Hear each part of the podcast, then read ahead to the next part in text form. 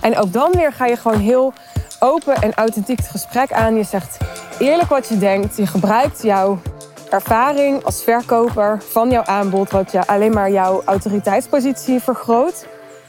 En die ander voelt zich echt gezien en die kan dan opeens voelen van, ja, het klopt, er zit inderdaad nog een zorg.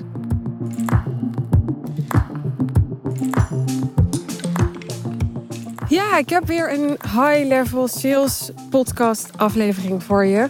Voor mij gaat deze vraag althans echt over high-level sales, dus verkopen op hoog niveau. En ik kreeg deze vraag van uh, een klant. Je hebt hem wellicht ook, of een vraag die erop lijkt.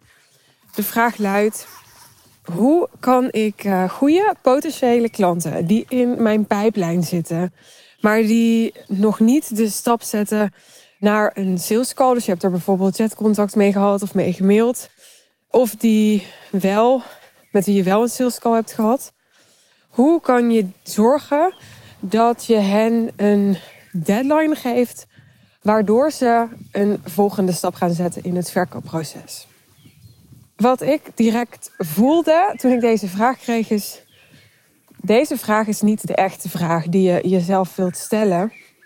De echte vraag die volgens mij veel wezenlijker is, is wat maakt dat je nu veel of in ieder geval een aantal mensen in je pijplijn hebt zitten, meer dan je zou willen, die het op de een of andere manier nog voor zichzelf kunnen rechtvaardigen, al dan niet terecht, om een volgende stap te zetten. Of dat nou is het boeken van die sales call, of terugkomen op, uh, hey, ik wil graag een follow-up gesprek naar onze sales call. Of als ze al één of twee calls met je hebben gehad, zeggen: Oké, let's go for it. En ze zeggen ja tegen je aanbod. Dat is natuurlijk de vraag die je wilt uitfigureren. Het antwoord dat je wilt uitfigureren. Want je kunt jezelf wel afvragen: hoe kan ik er nou voor zorgen dat ik mensen op een slimme manier een deadline geef, zodat ze wel die volgende stap gaan zetten, maar dan ben je toch een soort symptoombestrijding aan het doen. Hè? Dan ben je toch aan het vechten tegen de bierkaai of tegen de stroom in aan het zwemmen, hoe je het ook wil zeggen. Het is juist zo interessant en het, het maakt dat ondernemen juist zoveel moeitelozer kan voelen als je kunt ontdekken hoe kan ik lekker met die stroom meedijnen. Dus waar zijn de mensen die al helemaal ready to buy zijn in plaats van hoe kan ik mensen die dus eigenlijk er om wat voor reden dan ook nog niet helemaal aan toe zijn om te kopen, zover krijgen dat ze toch een volgende stap gaan zetten. Zelfs al zou dat, en ik zou bijna willen zeggen, uiteraard, al zou dat helemaal in hun belang zijn. Want ik ga ervan uit dat je helemaal ja, ethisch en integer onderneemt. En dat je ziet hoe goed je die mensen kan helpen. En dat je met alle liefde en goede bedoelingen van de wereld mensen daar heel graag een zetje in wilt geven omdat je weet hoeveel het voor ze kan betekenen. En toch, er zijn dus heel veel mensen die zo'n zetje niet meer nodig hebben, maar die gewoon even aan je herinnerd moeten worden. Überhaupt je een keer voorbij hebben moeten zien komen. Die even, ja, soms is het een, eh, een pattern interrupt, heet dat, moeten krijgen. Dus even bijvoorbeeld een super opvallende foto van je moeten voorbij zien komen in hun feed. Waardoor ze even stoppen met scrollen en denken: oh wow, wat gebeurt hier? En dat kan dan net een reminder zijn waardoor ze denken: ja, oké, weet je, nu, nu ga ik ook die stap zetten. Die mensen zijn er altijd. Dat is zo'n belangrijke mindset. Als je even het gevoel hebt dat ze er niet meer zijn, dat hebben we allemaal wel eens. Dat je denkt, nou, eh, volgens mij zijn er alleen nog maar mensen die niet willen of zo. Ja, als je dat echt nog nooit ervaren hebt, dan denk ik altijd, ja, dan is er iets anders aan de hand. Dan heb je gewoon een heel veilige doelgroep. Of zijn je prijzen te laag, of dan. Uh, steek je nek te weinig uit. Of je bent gewoon echt natuurlijk een fantastisch ondernemer met fantastische marketing en alleen maar overvloed en zo. Dan moet je me ook altijd contacten, want dan wordt de klant bij jou. Nee, ik denk dat dat gevoel van, joh, waar zijn die mensen die, die gewoon dit willen en kunnen betalen, hè, die, die mij kunnen veroorloven en die er ook helemaal klaar voor zijn om die investering te doen. We herkennen allemaal dat we even niet zo goed weten waar die mensen zijn, denk ik. Maar gelukkig is er dus een hele hoop aan te doen. Alleen dan heb je jezelf als ondernemer wel de juiste vraag te stellen. En ik denk dus dat een belangrijke vraag is als je hier tegenaan loopt. wat gebeurt er in mijn positionering op dit moment? Of wat mist er nog in mijn marketing op dit moment? Waardoor de reden waarom mensen nu met me zouden moeten gaan werken onvoldoende helder is of onvoldoende binnenkomt, onvoldoende bij ze raakt. En ja, dit is een, een vraag die direct raakt aan je niche. En ik weet dat, ja, ik vind althans zelf dat het onderwerp niche niet het meest fancy onderwerp is om het in business over te hebben. Het is altijd leuk om het te hebben over sales en marketing en zo. En, en leiderschap. En dat klinkt allemaal veel, ja, ik weet niet. veel stoerder. En toch, die, die niche is echt het fundament. En heel veel dingen die stropen gaan in je business. Waaronder dus deze situatie, waarbij je merkt dat je heel veel mensen in je pijplijn hebt, maar ze zitten allemaal, of in ieder geval meer dan je lief zetten dus niet die volgende stap, heeft heel vaak te maken met je niche. Is er al één persona heel helder in jouw business? Dus worden de mensen die gewoon ja, één op één of bijna één op één lijken op die persona, zich herkennen in die persona, al bij hun klauwen gegrepen op het moment dat ze een tekst van je lezen. Of lezen ze je tekst en denken ze: Oh, wat inspirerend is die uh, Marietje. Of joh, wat schrijft ze goed. Of oh ja, ja, interessant. Ja, daar zou ik ook eens een keer iets mee moeten doen. Dat is allemaal nog iets anders dan dat mensen denken: fuck. Je, je wil dat mensen je video bekijken, je post lezen. Ja, niet meer kunnen stoppen met het lezen van je blog. Omdat ze denken, dit gaat zo over mij en ik voel me zo betrapt. En ik voel me ook zo gezien en ik voel zoveel herkenning. En dit is eigenlijk precies wat ik de hele tijd zocht, maar wat ik net niet kon vinden. En dat is heel iets anders dan dat mensen je content gewoon entertaining vinden, inspirerend vinden interessant vinden. Er zijn een heleboel mensen die content ik interessant vind. Maar dat vind ik al jaren misschien. En toch ben ik nooit klant bij ze geworden. En dat is misschien omdat ik niet hun ideale klant ben. En dan is dat ook helemaal prima. Maar er zijn ook mensen, denk ik, wiens ideale klant ik wel ben. En daarbij is het gewoon een gemiste kans. En die mensen, die dus wel jouw ideale klant zijn, maar die jij nu onvoldoende bij hun klanten grijpt, die zijn er ook rondom jou. En dat zijn misschien wel de mensen waarvan je voelt van, ja, ze zitten in mijn veld. Je hebt misschien af en toe contact met ze, maar dan verdwijnen ze weer. Of dan ghosten ze je weer een tijdje. Hè? Dus dan hoor je niks. En dan denk je, hoe kan dat nou? Dat heeft mogelijk, hè, want er zijn absoluut meerdere oorzaken en scenario's mogelijk, maar dat heeft mogelijk hiermee te maken. Er kunnen ook andere factoren zijn waar het mee te maken heeft. Bijvoorbeeld dat ze een bepaalde vrijblijvendheid bij je voelen. Dus dat je op de een of andere manier zo gepositioneerd bent dat ze nog onvoldoende voelen. Wow, als ik met uh, Marietje, om nog maar eens die uh, cliché-naam erin te gooien, mag werken, dan ben ik echt een soort uitverkoren of zo. En dit klinkt misschien ja, alsof mensen een guru van je moeten maken. En hè, iets wat je helemaal niet wilt zijn ook. En, en dus uitverkoren is, is niet het goede woord. Maar ja, je wil werken aan een positionering waarbij mensen, als ze inderdaad je ideale klant zijn, gewoon waarbij het niet eens meer in zich opkomt om, hè, om je te ghosten. Of om niet die volgende stap te zetten. Of kijk, als, als Tony Robbins je een, een bericht zou sturen, echt een persoonlijke video morgen. Waarvan je ook echt voelt, kan je misschien bijna niet voorstellen dat hij die persoonlijk voor jou heeft gemaakt met een uitnodiging om weet ik veel wat te doen. Dan zou je toch super gezien en geselecteerd en, en uitgekozen voelen.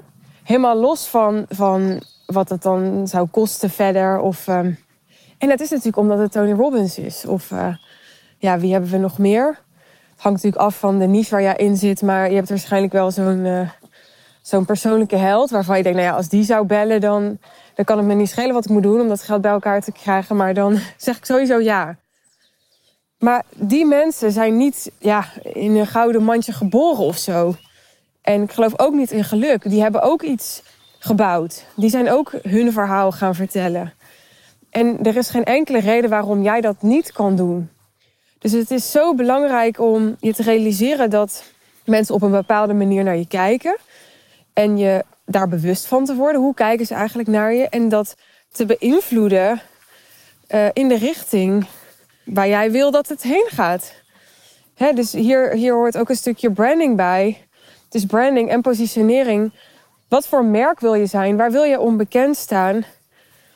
En wat kan je doen en wat zou maken dat mensen ja, super mega veel respect voor je hebben, waardoor het nogmaals helemaal niet meer in ze op zou komen om niet die volgende stap te zetten.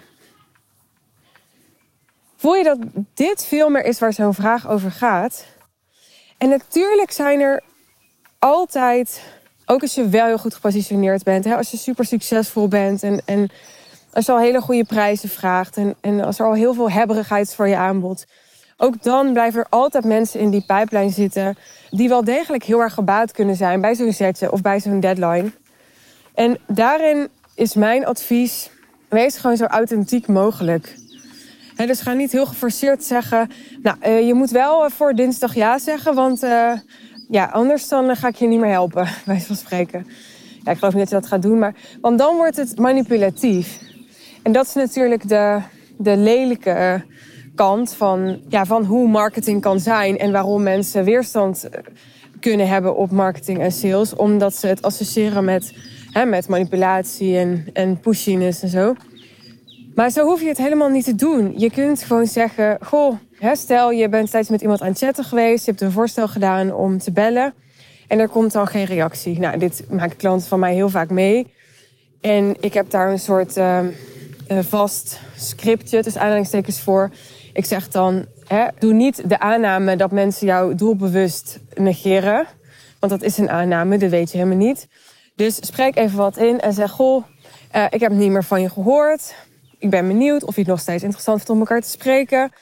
Het zou kunnen zijn dat je gewoon helemaal vergeten bent te reageren. Ik kan me helemaal voorstellen dat je druk bent met X, Y, Z. Hè? Personaliseer het een beetje. Uh, maar het kan ook zijn dat je toch nog twijfel hebt of een aarzeling om dat gesprek te boeken. En ook dan weet dat je dat gewoon naar me uit kan spreken. En hebben we het er even over.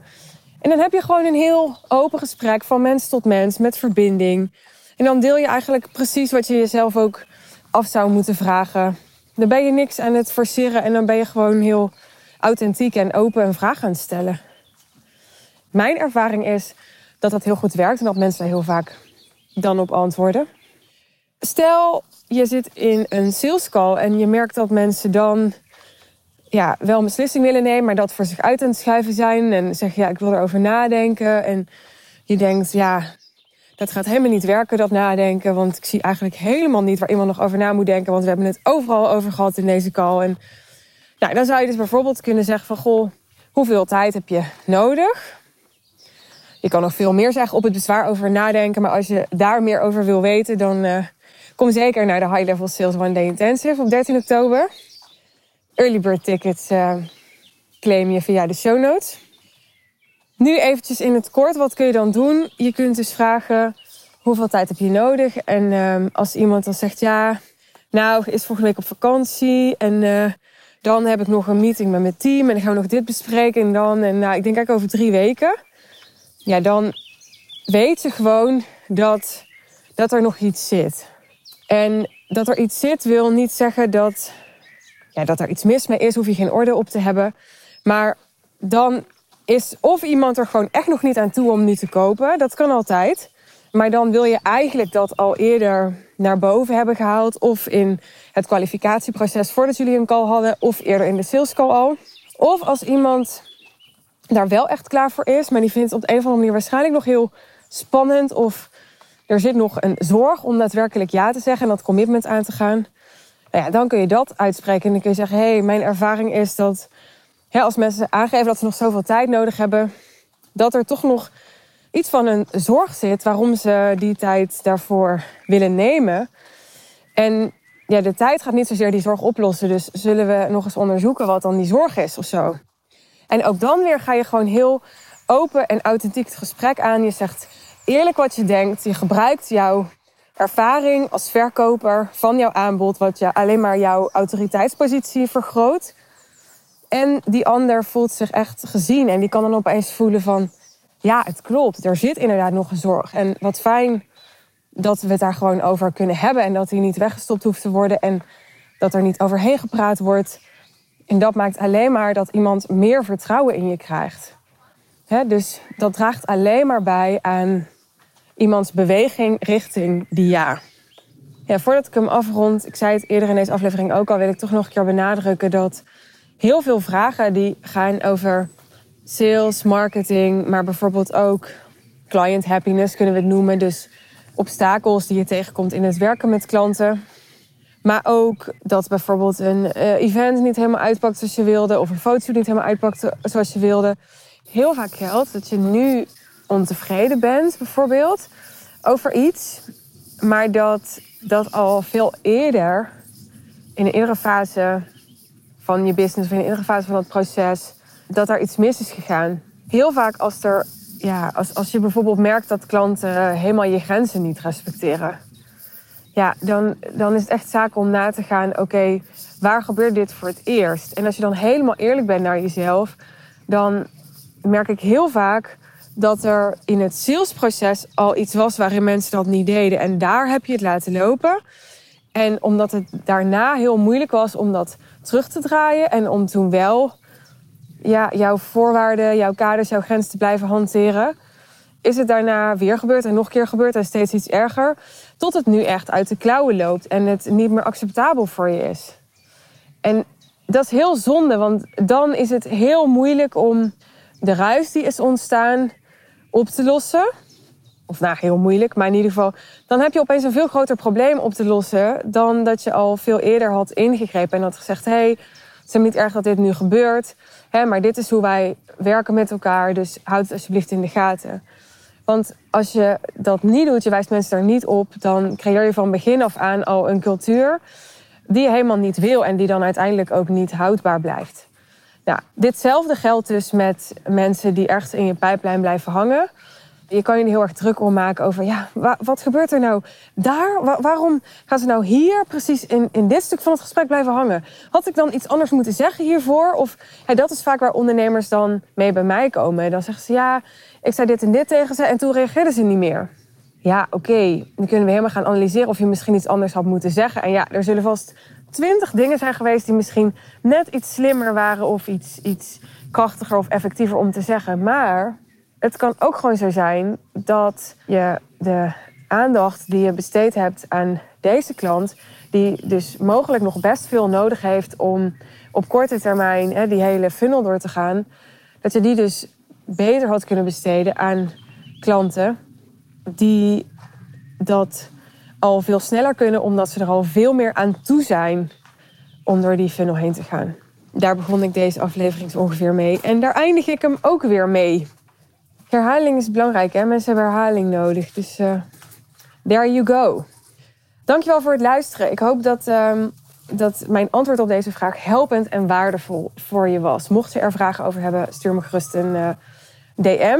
Dan uh, kijk ik wat ik voor je kan doen. Uiteraard is het zo dat als je persoonlijk advies en persoonlijke begeleiding van me wil, ja, dat er maar één allerbeste optie voor is. Niet eens één allerbeste optie, maar überhaupt maar één optie, to be honest. En dat is dat je gaat deelnemen in mijn business traject The Real Deal. En daar lees je meer over via de show notes. En op die pagina van The Real Deal kun je ook je call met ons erover boeken, zodat we kunnen onderzoeken of het inderdaad passend voor je is. Mocht je daar eerst nog een vraag aan me over willen stellen, ook dat mag natuurlijk altijd. Stuur me even een DM'tje. Ik ben benieuwd. Wil je meer van dit soort content? Zorg dan even dat je mijn podcastkanaal volgt of je abonneert. Als je het nou tof vindt om dit te beluisteren, dan zou ik het enorm waarderen als je mij een 5 eh, sterren rating wil geven. Dankjewel. Heel graag tot de volgende aflevering.